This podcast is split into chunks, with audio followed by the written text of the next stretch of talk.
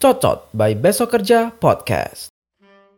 Eh, eh, eh, kembali lagi di Cocot by Besok Kerja Podcast bersama saya Hafiz.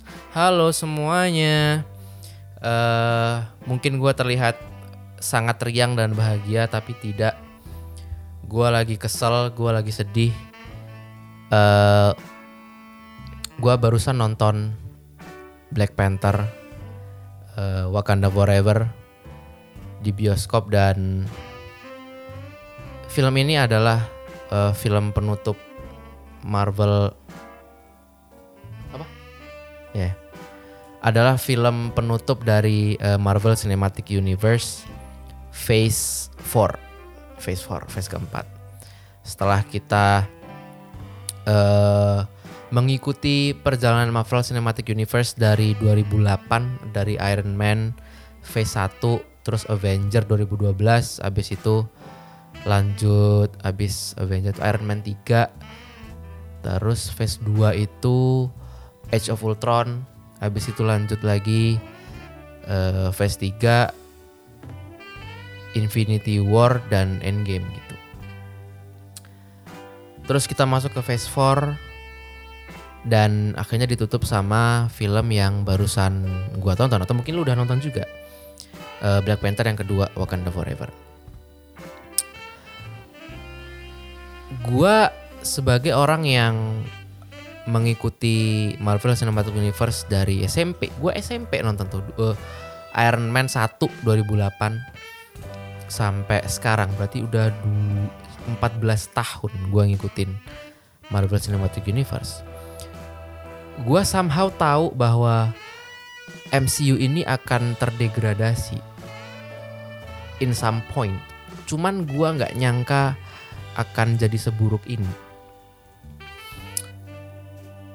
Eh, sebetulnya gue sudah menganalisa apa penyebab Marvel itu jadi seburuk ini. Ada dua poin yang akan gue bahas satu-satu di episode ini gitu. Tapi sebelum ke sana gue masih ingin bernostalgia gitu. Betapa betapa happy-nya gue gitu sama Marvel Cinematic Universe.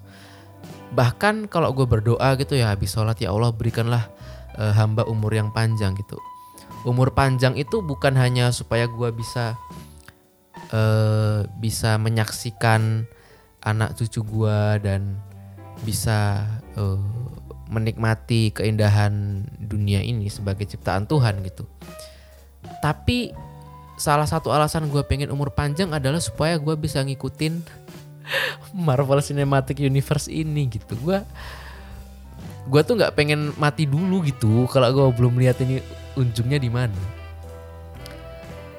Dan ya gue gua nggak mau jadi orang yang sok si si paling Marvel gitu tapi gue berani jamin bahwa apa yang gue tahu tentang MCU itu di atas rata-rata orang kebanyakan gitu. jadi kalau ada orang 100 nih katakanlah gue di angka 70 gitu ada 70 orang di bawah gue yang pengetahuan MCU-nya tidak sebanyak gue gitu. Tapi ada 30 orang lagi yang pengetahuan MCU-nya di atas gue gitu. Jadi ya gue above average gitu. Dan ya dan gue gua gua sangat cinta gitu sama Marvel Cinematic Universe. Makanya di episode ini gue mau meluapkan kekesalan dan kesedihan gue dan kekecewaan gue gitu terhadap eh, Marvel Cinematic Universe yang menurut gue udah nggak kayak dulu lagi gue nggak mau jadi kayak om-om yang kayak ah dulu gini sekarang kenapa bikin enggak enggak enggak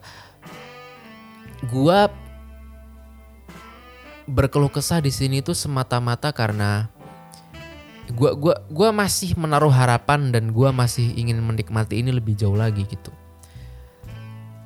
Tapi emang gua kecewa dan sangat-sangat kecewa.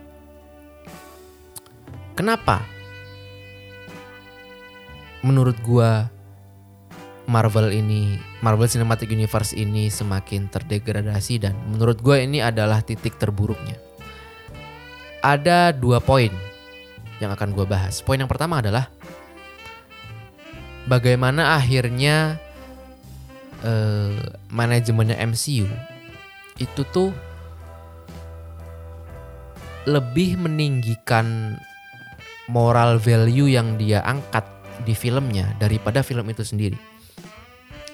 Ini gua gua kalau ngomongin ini gue bisa ngomong ini gue tarik ke lebih general lagi gitu bahwa tidak seharusnya sebuah karya seni film kan karya seni ya seperti halnya lagu atau gambar atau whatever tidak seharusnya sebuah karya seni itu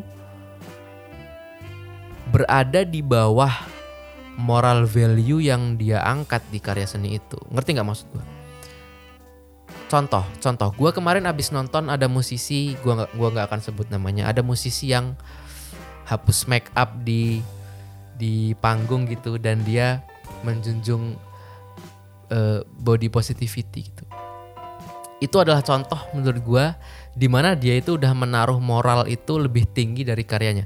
Gua gua nggak peduli lu tuh bawa nilai apa, gue cuman peduli lu bikin lagu bagus apa enggak, udah gitu aja.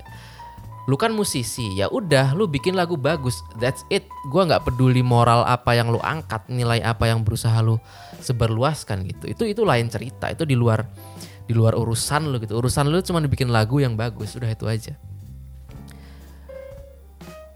dan dia makeup eh, hapus makeup di panggung dan semua orang nangis dan I love myself ah, ah, gitu. ah ya Allah ih nggak kuat gua dan inilah yang terjadi kepada Marvel gitu. Walaupun tanda-tandanya tanda-tandanya itu udah terlihat dari lama. Pertama kali itu muncul itu di Black Panther 1. Itu itu red flag pertama tuh. Untung Black Panther 1 itu film yang yang lumayan bagus sebagai film superhero menurut gua. Tapi gua sampai detik ini masih bertanya-tanya berapa yang dibayar sama MCU buat bisa masukin Black Panther itu ke nominasi Best Picture. Gua gua masih bertanya-tanya tuh bayar berapa dia. Karena apa? Karena waktu itu gue yakin Black Panther rilis itu sebagai apa ya? Sebagai pernyataan bahwa iya kita mendukung uh, Black Lives Matter dan apa segala macam. Apa yang dilakukan Marvel itu Marvel Studios ya. Apa yang dilakukan Marvel Studios itu sama halnya dengan Jokowi waktu ngajak Ma'ruf Amin gitu. They don't actually care about the people. They just care about the vote and the money. Dan iya gitu. Seakan-akan waktu itu merangkul umat Islam gitu. Tapi ya gitu kan. Ya ya itu sama halnya dengan calon presiden waktu itu yang mengangkat ulama jadi wakil presiden gitu. Mereka tuh nggak peduli sebetulnya sama umatnya, mereka tuh peduli sama vote-nya aja. Yang penting banyak yang nyoblos gitu, mereka nggak peduli orangnya. Ya sama Marvel Studios juga gitu. Seakan-akan mereka tuh bikin film yang ya black representative, Asian representative, uh, Latino representative, Pakistani representative, Muslim representative, LGBTQ uh, dan lain-lain gitu. Itu kita kita tinggal nunggu tiba-tiba ntar ada superhero yang obesitas terus bilang kayak, "Iya, yeah, I love myself." Ugh, tai lah. Tai, tai, tai, tai, tai, tai, tai. Gak kuat gue. Gue tuh Coba orang-orang nonton Sangchi kenapa? Karena Sangchi itu adalah Asian representative, bukan karena film Sangchi itu bagus. Itu film biasa aja. Miss Marvel, Miss Marvel itu ngapain orang nonton Miss Marvel? Ya karena itu Pakistani representative, ada superhero Muslim dan apa. Bukan karena itu serialnya bagus, itu serial biasa aja. Kenapa? Kenapa? Kenapa moral itu jadi di atas di atas karyanya gitu? Gue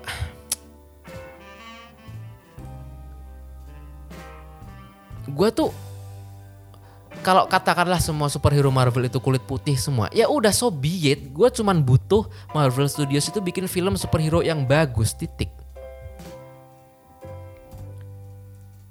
Gua gua bisa bilang eh Batman-nya ya entah itu Christopher Nolan atau Matt Reeves itu jauh lebih bagus daripada eh, film-film daripada Black Panther, daripada Shang-Chi, daripada Miss Marvel, daripada film-film Marvel lainnya yang mengangkat morality. Karena apa? Karena kalau film itu bagus sebagai sebuah karya, gue nggak peduli itu warna kulitnya apa, itu representatif apa, persetan. Kalau filmnya bagus mah ya bagus aja gitu.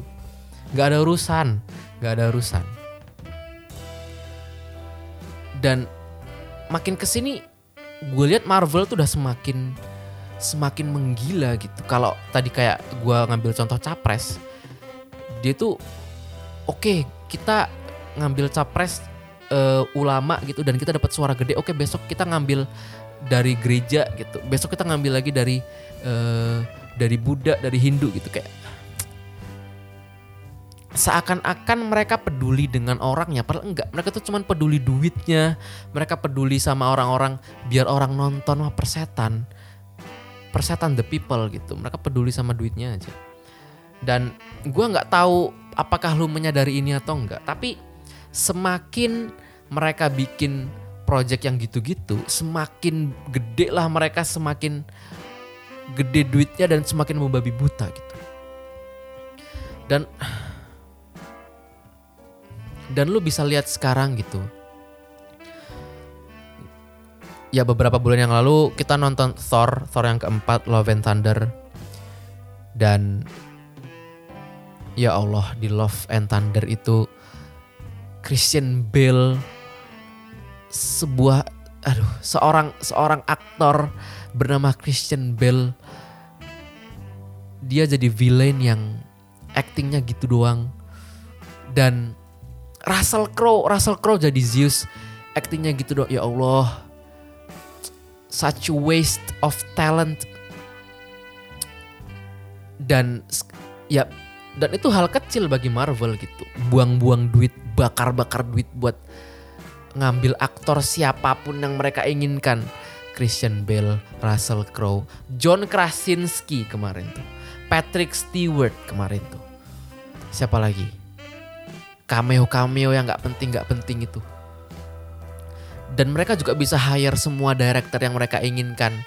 Sam Raimi, Chloe Zhao, Eternals.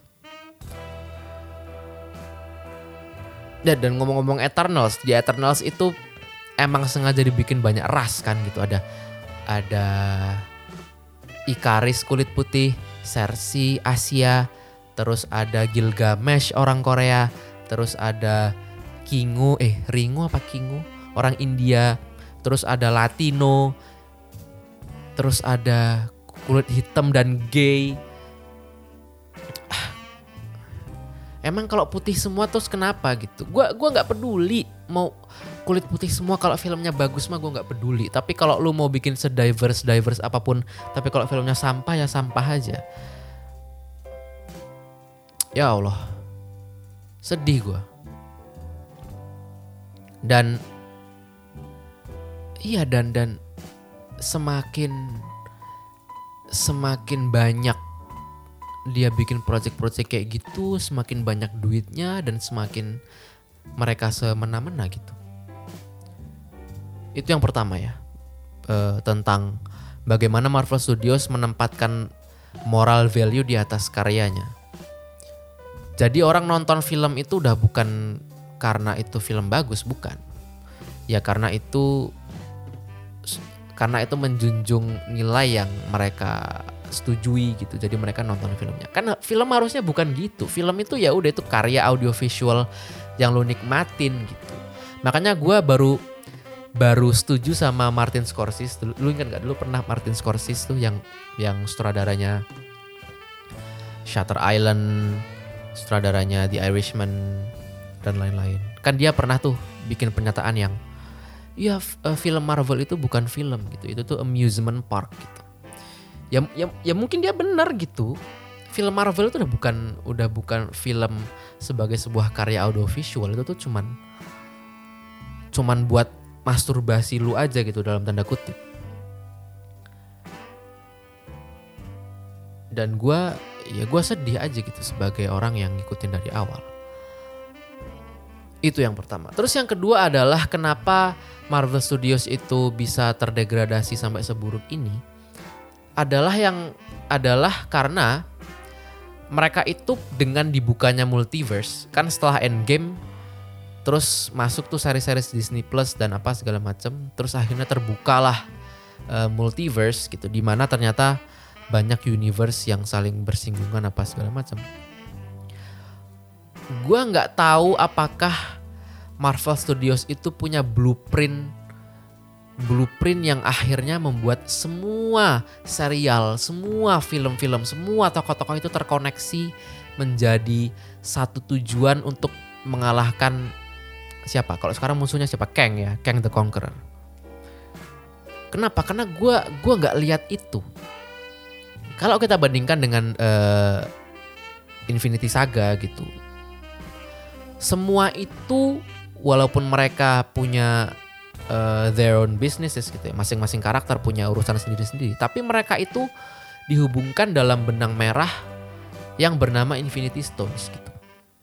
Walaupun Iron Man punya urusan sendiri, tapi masih ada post credit yang mengisyaratkan bahwa oke, okay, ini nih gitu. Ini titik benang merahnya, ini titik temunya gitu. Tapi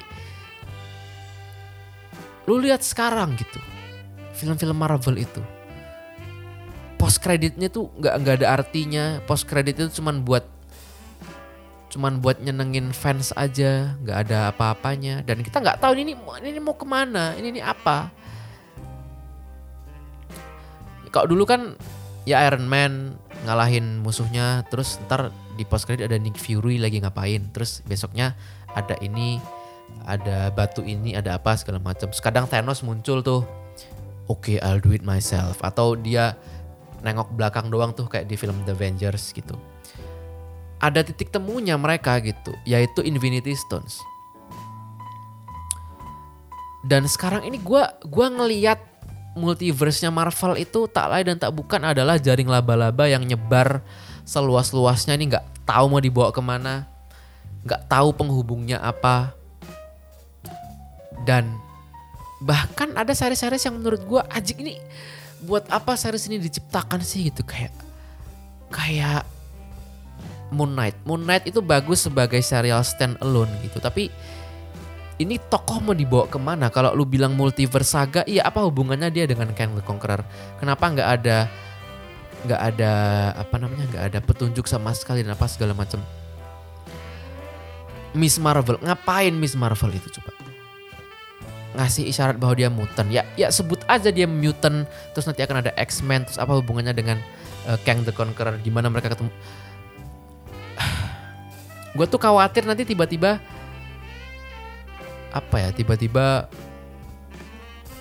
ada hubungan yang dipaksakan dan ah ah sayang banget gitu. Gue tuh nggak tahu ya. Gue gue sih merasa seperti sapi perahnya Marvel Studios aja gitu. Gue bayar Disney Plus, gue nonton bioskop, cuman buat memperkaya Marvel Studios gitu. Dan mereka bikin seri sebanyak banyaknya film sebanyak banyaknya mereka nggak perlu mikirin sedetail kayak waktu bikin Infinity Saga apa koneksi satu dengan yang lain. Yang penting kita bikin sebanyak mungkin, penontonnya sebanyak mungkin, karakter sebanyak mungkin. Keluarlah cameo-cameo ini, keluarlah kejutan-kejutan ini di film, persetan cerita, persetan pendalaman karakter, persetan yang lain-lain. Pokoknya kita bisa hire aktor-aktor mahal, kita bisa hire direktur-direktur mahal, kita bisa bayar komposer-komposer mahal dan apa segala macam. Orang-orang akan tetap nonton gitu. Sedih gua dan yang lebih sedih lagi adalah sekomplain-komplainnya gue sama Marvel Studios, gue tetap nonton film-filmnya dan seri-serisnya anjir. Karena gue merasa gue nggak mau ketinggalan tentang apa yang terjadi. Gue tetap mantengin She-Hulk walaupun sampah. Gue tetap mantengin uh, Miss Marvel walaupun sampah gue tetap nonton Thor Love and Thunder walaupun sampah. Hanya karena gue takut ketinggalan info gue takut ketinggalan cameo gue takut ketinggalan surprise apa segala macam walaupun gue tahu akhirnya itu akan mengecewakan gue tapi gue tetap akan nonton dan bayar dan itu yang paling sedih. Itu tuh kayak kayak kecanduan kokain lu tau gak sih? Lu tuh lu tuh pengen nggak nonton tapi kok kalau gua nggak nonton ntar ada info penting. Tapi kalau gua nonton kok ya sebel kok ya kecewa gitu. Anjir lah. Gua sih nggak tahu ya gue sih masih berharap ini nih adalah bagian dari blueprint yang besar. Cuman uh, ini tuh udah terlalu gede sih menurut gue untuk akhirnya dibuat koneksi ya gue nggak bilang semua yang ada di Fast Four itu jelek gitu. Ada satu dua film yang bagus. Eternals bagus. Loki bagus. WandaVision lumayan.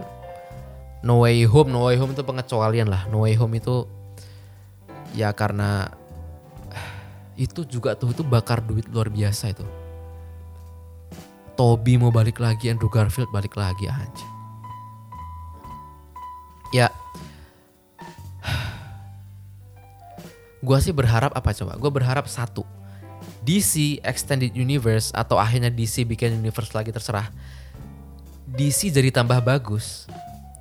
Gue berharap DC tambah bagus biar Marvel ketar ketir dan akhirnya mereka mikir ulang bahwa ternyata bakar-bakar duit itu bukan berarti fans akan loyal gitu. Gue sih berharap itu DC tambah bagus, Marvel ketar-ketir, dan akhirnya mereka baru bikin serius lagi kayak dulu gitu, kayak Phase 1, Phase 2, Phase 3. Gak kayak sekarang yang cuman bakar-bakar duit dan mengandalkan cameo-cameo dan surprise-surprise tae gitu. Itu sih gue berharap itu sih gue gue tahu Kevin Feige nggak akan dengerin podcast gue tapi ya gue cuman mau berkeluh kesah dan mengeluapkan kekecewaan gue aja gitu terhadap Marvel Studios yang semakin ke sini semakin terdegradasi dan semakin buruk gitu. Ya semoga ke depannya nggak mengecewakan lah ya. Masih jauh perjalanannya. Abis ini katanya kita mau kedatangan mutant Wolverine balik lagi. Astaga naga ya Allah. Itu Hugh Jackman dibayar berapa coba sama Marvel? Dan mereka emang bisa buang duit sebanyak-banyaknya. Mereka tuh duitnya banyak banget gitu. They can do whatever they want karena mereka punya banyak uang gitu. Dan bukan berarti dengan uang yang banyak itu filmnya jadi bagus gitu gua. Ya semoga ya semoga tambah membaik lah ya. Semoga Marvel Studios balik lagi dan ya kita bisa menikmati film-filmnya itu sebagai karya seni film gitu ya multimedia artwork gitu yang kita bisa nikmatin gitu. Tanpa peduli ini rasnya apa yang main tanpa peduli ini akan ada cameo siapa tanpa peduli ini itu akan ada kejutan apa gitu. Kita nonton itu bener-bener karena kita suka sama karakter yang akan ditampilkan di film. Oke, itu aja uh, mungkin buat episode kali ini tentang keluh kesah gue dan gue nggak tahu apakah lu sama dengan apa yang gue pikirkan. Kalau iya, uh, silahkan komen. Buat lu yang dengerin noise, lu bisa komen. Kalau lu dengerin di Spotify, lu bisa uh, kirim pesan-pesan lu atau kritik dan saran ke email gue ke besok kerja podcast at gmail.com atau lu bisa DM ke Instagram at Pujakesuma dan ya itu aja buat episode kali ini teman-teman uh, semoga lu terhibur sampai jumpa di episode selanjutnya Fatian Hafiz signing out bye bye